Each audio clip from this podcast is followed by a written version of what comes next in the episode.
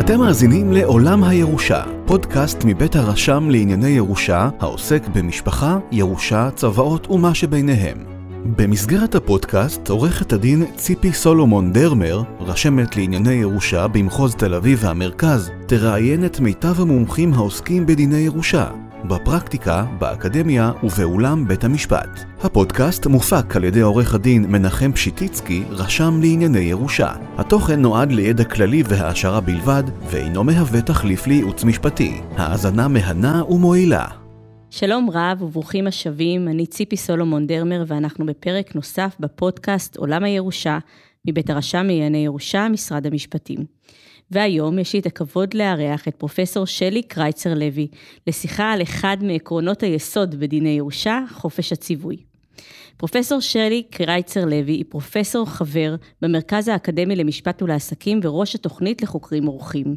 פרופסור קרייצר לוי היא כלת פרס צלטנר לחוקר צעיר, היא זוכת תחרות המאמרים לחוקרים צעירים ושירתה בעבר כחברת הנהלת האגודה הישראלית למשפט פרטי. היא לימדה בבית הספר למשפטים של אוניברסיטת קורנל ושהתה כחוקרת אורחת בבית הספר למשפטים של אוניברסיטאות יל, הרווארד ואמורי. תחומי המחקר של פרופסור קרייצר לוי כוללים את נקודות המפגש בין דיני הקניין לדיני המשפחה, וכן את הממשק בין קניין לטכנולוגיה. מאמריה פורסמו בכתבי עת שונים, והיא גם פרסמה ספר בנושא קניין וכלכלת השיתוף. פרופסור קרייצר לוי, שלום. שלום רב, אני שמחה מאוד להיות כאן. גם אנחנו. אז אולי באמת נסביר קודם למאזינים שלנו מהו חופש הציווי. אוקיי, okay, אז חופש הציווי שהוא ממש עיקרון יסוד אה, בשיטה שלנו, הוא היכולת של כל אדם להחליט מה יעשה עם הרכוש שלו לאחר מותו. איך הוא רוצה שהרכוש יתחלק. זה נראה לנו כמעט מובן מאליו, נכון. אבל בפרספקטיבה השוואתית זה ממש לא מובן מאליו. אז אולי לפני שנגלוש באמת להשוואה במדינות השונות, מה ההצדקות של חופש הציווי הזה? למה צריך אותו? למה הוא כל כך מובן לנו מאליו היום? אז יש כמה הצדקות. סוג אחד של הצדקות אה, מתייחס לכל מיני ערכים שהם חשובים לנו. למשל, קניין. אנשים mm-hmm. יגידו לך, חלק מזכות הקניין שלי היא גם להוריש את רכושי אחרי המוות. אה, למשל, הצדקה שקשורה לכבוד האדם או כבוד המת. הצדקות שקשורות לאוטונומיה של הרצון הפרטי. יש גם הצדקות מסוג אחר לגמרי, שנקרא להם אולי הצדקות כלכליות, שקשורות לתמריצים של אנשים לעבוד ולחסוך, שקשורות גם לזה שאני יודעת אולי הכי טוב מי טיפל בי, מי התייחס אליי יפה, ולכן ההחלטה שלי תהיה ההחלטה הנכונה ביותר אה, לגבי חלוקת הרכוש שלי.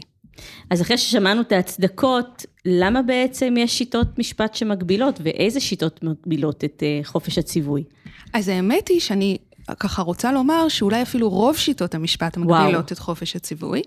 אמ, והסיבות משתנות, אז אולי אני אתחיל מהסיבות ואז אה, נדבר על איזה שיטות. נדע.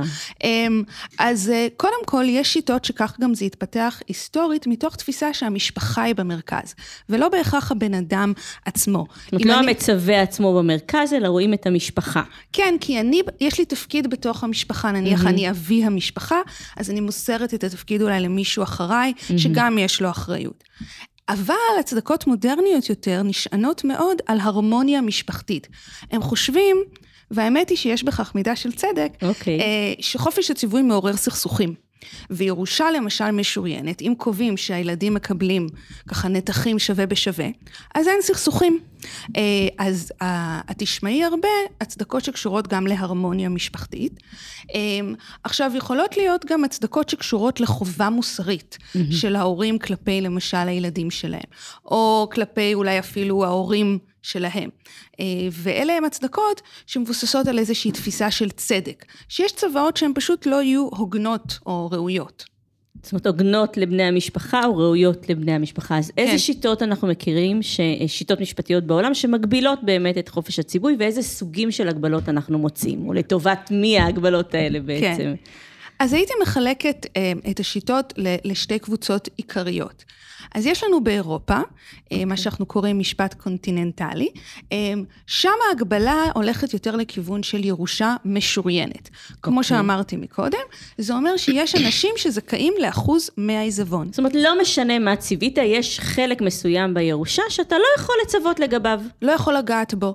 אז למשל בצרפת, שהיא אולי המדינה הקיצונית ביותר בהקשר הזה, זה תלוי במספר ילדים, אבל אם יש לי שלושה ילדים ומעלה, אני יכולה לצוות רק רבע מהרכוש שלי, שלושת רבע מהרכוש שלי יתחלק שווה בשווה בין הילדים שלי. מדהים.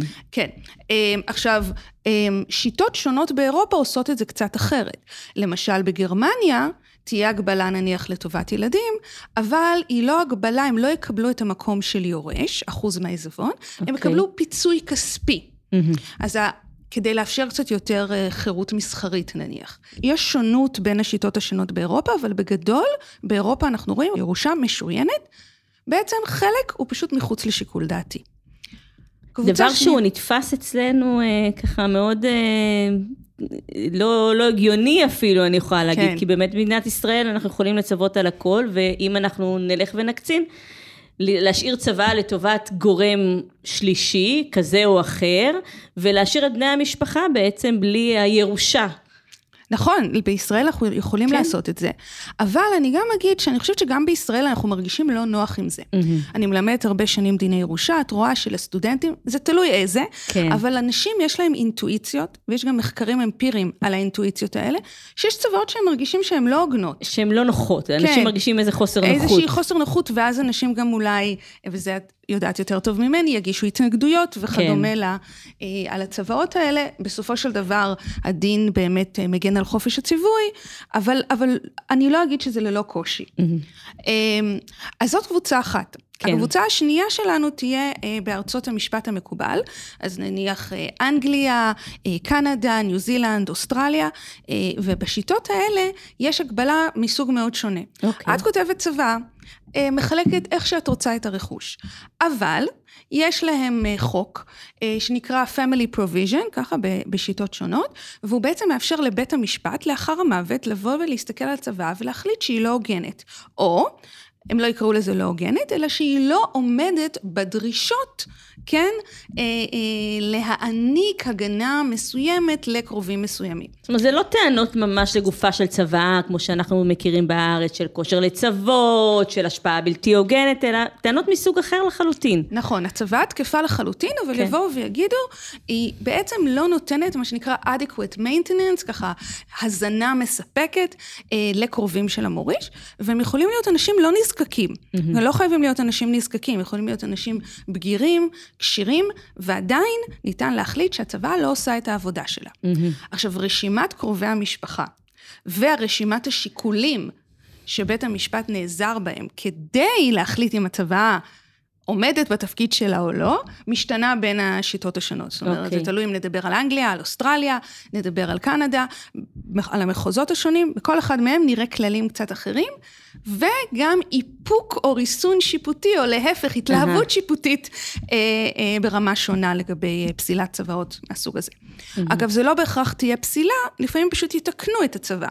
זאת אומרת, ייתנו כן. איזשהו חלק, יגידו, כן. הצבא היא לא הוגנת בהיבט הזה, ולכן ייתנו איזשהו חלק. כן. במנגנון של סוג של פיצוי, אם אני מבינה נכון? בעצם, בעצם כאילו יתקנו את הצבא, זאת אומרת, כאילו הצבא מראש אמרה, שהילד X שלא קיבל כלום, עכשיו יקבל נניח 20 אחוזים, אני סתם זורקת uh, מספר. כן. כן. הסעיפים המקבילים האלה, אנחנו מוצאים אותם באמת במדינות מסוימות לטובת אה, אה, מדרג מסוים של יורשים, בדרך כלל, על פי רוב, או באמת, כמו שתיארת לנו במדינות הקונטיננט, זה יכול להיות אדם שהוא לא במעגל המשפחתי בכלל של המוריש שלנו? אז אם אנחנו נסתכל על מדינות אירופה, הירושה המשוריינת זה ילדים. יש מדינות שהיה פעם גם להורים, לרוב ביטלו את זה, לפעמים יש הגנות לבני זוג, אבל לרוב אנחנו מדברים על ילדים. כשאנחנו מסתכלים נניח על אנגליה, אז באנגליה יש לנו קרובי משפחה אה, מסורתיים, יותר ילדים, אבל גם כל מי שהתייחסתי אליו כילד. כלומר, okay. אוקיי. הגדרה לא פורמליסטית. אה, אם, אם יש לי בן חורג שהתנהגתי אליו כילד, הוא גם יהיה, הוא גם ייכלל. אה, זה כולל ידועים בציבור גם, ולא רק בני זוג. זה כולל גם בני זוג לשעבר, הגרוש שלי, גם יכול לטעון באופן עקרוני. זאת אומרת שבאנגליה יש לנו פה מרחב כזה, אבל הוא עדיין, כמו שאת רואה, מרחב שמתייחס ל- למעגל המשפחתי. כן. אמ, יש, הדוגמה הכי קיצונית שיוצאת מתוך המשפחה, היא באמת במחוז ויקטוריה באוסטרליה, ששם הם גם מאפשרים למישהו שאין לו בכלל קרבה משפחתית למוריש. אם למשל זה היה אדם שהמוריש אה, תמך בו, או שהוא תמך במוריש, שהייתה להם איזו מערכת יחסים אמ, חזקה, מבוססת טיפול, אז אה, גם אולי אנחנו נראה אה, וואו. הכרה. כן, אז זה באמת יוצא דופן. ומהקצה השני, נניח, בקנדה, בבריטיש קולומביה, תראי רק ילדים בגירים.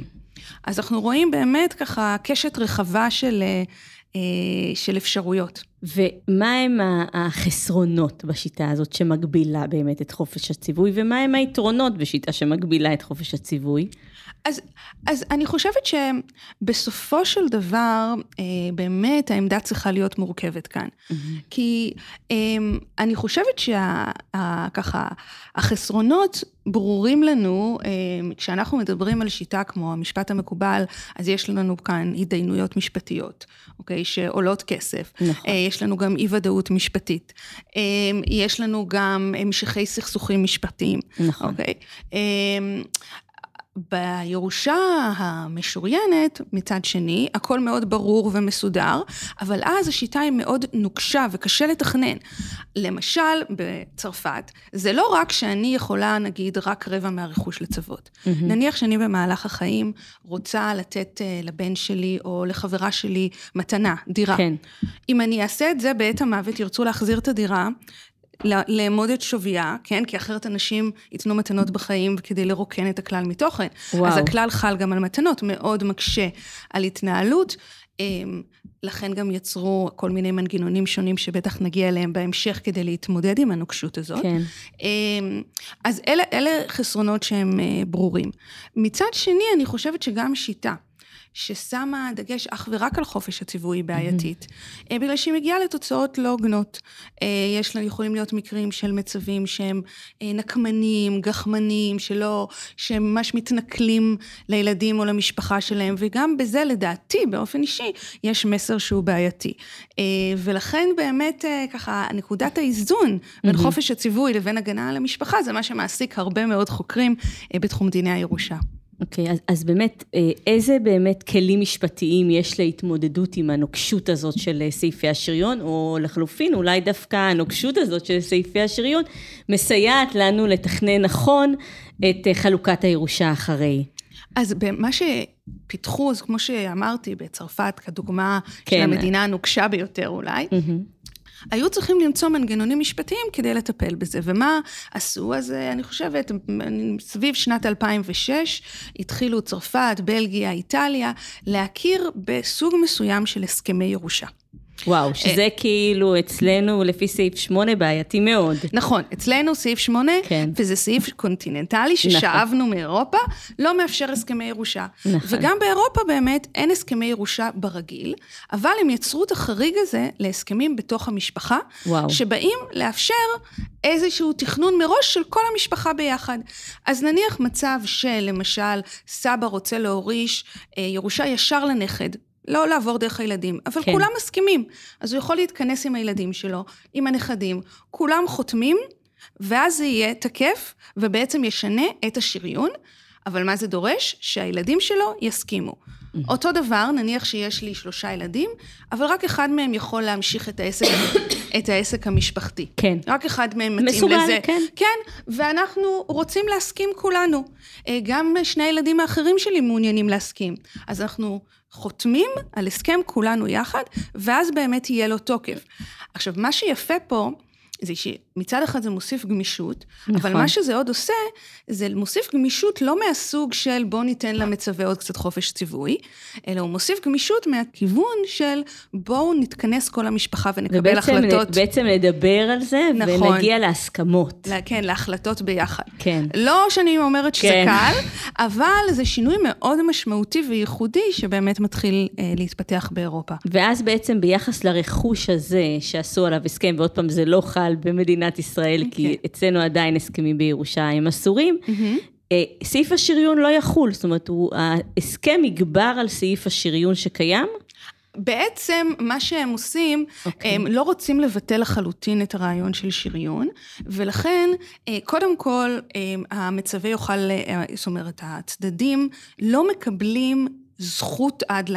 קודם כל עד למוות, אוקיי. וגם אחר כך הם יקבלו טענה כנגד העיזבון ולא בהכרח מעמד כיורש. אה, שיש לזה חשיבות אה, אה, גם הצהרתית, אבל גם מבחינה משפטית. זאת אומרת, אתה לא בא נניח לקבל צו ירושה כיורש, אלא אתה טוען טענה כנגד העיזבון, אולי יותר כנושה נניח. אה, כדי באמצעות לשמור על הר- ההסכם. באמצעות ההסכם, כדי לשמור על המעמד של מי שיורש, הוא צריך להיות יורש, זה הילד וכולי. כן. אנחנו רואים איזושהי התרופפות של הכללים הנוקשים האלה בעולם, של ההגבלה של החופש לצוות, או להפך, אולי בעולם הולכים לכיוון של אנחנו מאמינים בהגבלת החופש לצוות ואנחנו רוצים להמשיך. אמ, אז קשה להגיד, אז באמת, אנחנו רואים במדינות הקונטיננט את העלייה של הסכמי ירושה, במדינות הגרמניות או המושפעות מגרמניה, אנחנו רואים באמת מעבר לטענה כנגד העיזבון, יותר שווי כספי ופחות להגביל. אנחנו כן רואים, אני חושבת, אה, קצת התרופפות אוקיי. באירופה. עוד דוגמה להתרופפות, מה שלא הזכרתי בכלל, המשפט הסיני. אה, שהוא אה, כמובן מיוחד ושונה, שהיא מדינה קומוניסטית, אה, ושם היה דגש לאורך השנים מאוד חזק על טיפול. זאת אוקיי. אומרת, אם אני טיפלתי במוריש, אפילו אם אני הכלה ולא הבת, אז אני זכאית אפילו לירושה על פי דין. אפילו שאני וואו. לא. או אני יכולה להיות זכאית לחלק מן העיזבון אה, בצורה זו או אחרת. אבל גם בסין, שהייתה מבוססת מאוד על טיפול, אה, בשנים האחרונות, עם עליית הקפיטליזם, אנחנו רואים הגנה גדולה יותר על חופש הציווי. זאת אומרת, אולי כן אפשר להגיד שיש איזושהי התרופפות, מחד, מחד גיסה, כן. אבל מהצד השני, במדינות המשפט המקובל זה כן התפתחות אחרונה, אה, מאוחרת יחסית, אה, ששם אנחנו כן רואים, הרי באנגליה חופש הציווי היה מאוד מרכזי. נכון. אה, ואנחנו כן רואים באנגליה ובמדינות משפט מקובל נוספות, שכן פתאום, אני לא אגיד פתאום, אבל שבאמת אנחנו רואים בעשורים האחרונים הגבלה של חופש הציווי. אז ככה שקשה להגיד משהו שהוא חד משמעי. כן. פרופסור קרייצר לוי, תודה רבה על פרק מעניין וחשוב מאוד שעוסק בזכות היסודית שאנחנו במדינת ישראל רואים אותה כזכות אה, יסוד של כל אחד מאיתנו, לצוות בעצם מה יעשה ברכוש שלנו אחרי אה, אריכות הימים שלנו. ואנחנו, אה, תודה רבה, ונשתמע עם המאזינים שלנו בפרק הבא. תודה לכם. תודה שהייתם איתנו בעוד פרק של עולם הירושה, פודקאסט מבית הרשם לענייני ירושה, העוסק במשפחה, ירושה, צוואות ומה שביניהם. אתם מוזמנים להאזין לנו בכל אפליקציית פודקאסטים שאתם אוהבים. להתראות בפרקים הבאים.